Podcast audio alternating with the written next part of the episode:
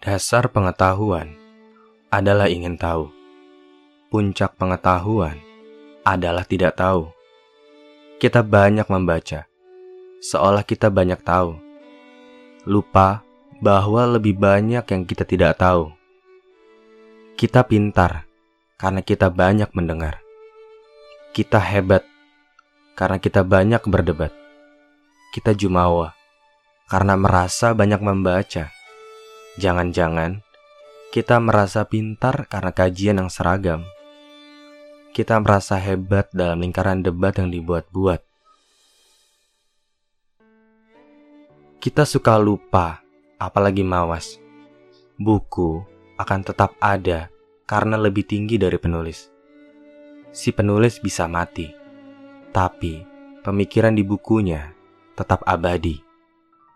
Penulis lain akan muncul, bergumul, saling menyanggah, agar pemikirannya lebih unggul atau kalah. Kita meluangkan waktu untuk berdebat, tapi justru kebanyakan nyebat. Debat-debat kita kadang bicara soal akibat, tanpa mau memahami sebab. Kita merasa cerdas karena selalu retoris, melupakan bahwa pengetahuan sifatnya dinamis pikiran kita mungkin dinamis.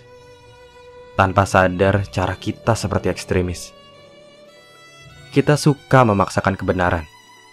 Sampai-sampai marah jika disadarkan. Bukan orang lain yang kita pintarkan. Jangan-jangan ego yang sedang kita beri makan. Kita suka melawan. Apalagi jika ada kata penindasan. Berteriak-teriak menentang kezoliman tapi kerap dituduh tidak punya aturan.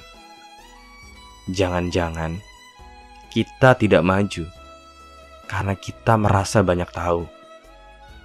Disadari atau tidak, ketika kita sekolah, kita mulai merendahkan orang lain. Kita langsung menganggap orang tua kita dan orang lain adalah orang-orang bodoh. Entahlah, saya tidak tahu.